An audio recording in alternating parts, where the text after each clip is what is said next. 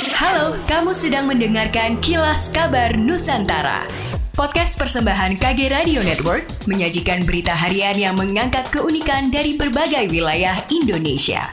Kilas Kabar Nusantara dapat juga didukung oleh pengiklan loh. Apa iya definisi perempuan cantik itu hanya dari fisiknya semata? Yuk simak pengalaman para perempuan dalam pertama kali berhijab, penyitas perundungan, hingga pejuang jerawat hanya di podcast Semua Bisa Cantik. Persembahan Stylo Indonesia dan KG Media.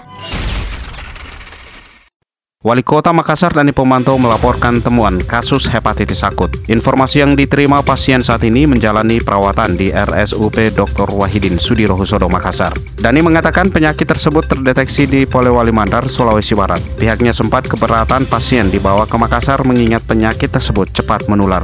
Wali Kota Dani Pemantau mengatakan pemerintah Kota Makassar telah meningkatkan kewaspadaan.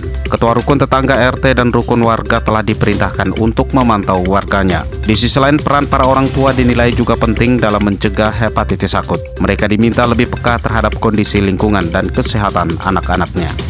Cegah penularan PMK, Pemkot Surabaya terjunkan dokter hewan untuk pemeriksaan ternak. Antisipasi terhadap penularan wabah penyakit mulut dan kuku pada hewan ternak, Pemkot Surabaya menerjunkan para dokter hewan untuk melakukan pemeriksaan atau pengecekan di beberapa lokasi peternakan. Seperti pengecekan hewan ternak di kawasan Kecamatan Pakal, terdapat 8 ekor sapi ternak yang dinyatakan sehat setelah dilakukan serangkaian pemeriksaan kesehatan, mulai pengecekan suhu, kondisi sapi hingga pemberian vitamin, serta antibiotik dan secara keseluruhan semua sapi dinyatakan sehat dan hewan ternak ternak yang sehat diberikan suntikan vitamin hingga antibiotik. Para peternak kambing, domba, dan sapi yang sudah terdata resmi akan langsung dilakukan pemeriksaan secara bergiliran. Total jumlah populasi kambing domba di Surabaya mencapai 1.500 ekor dan populasi sapi sebanyak 350 ekor.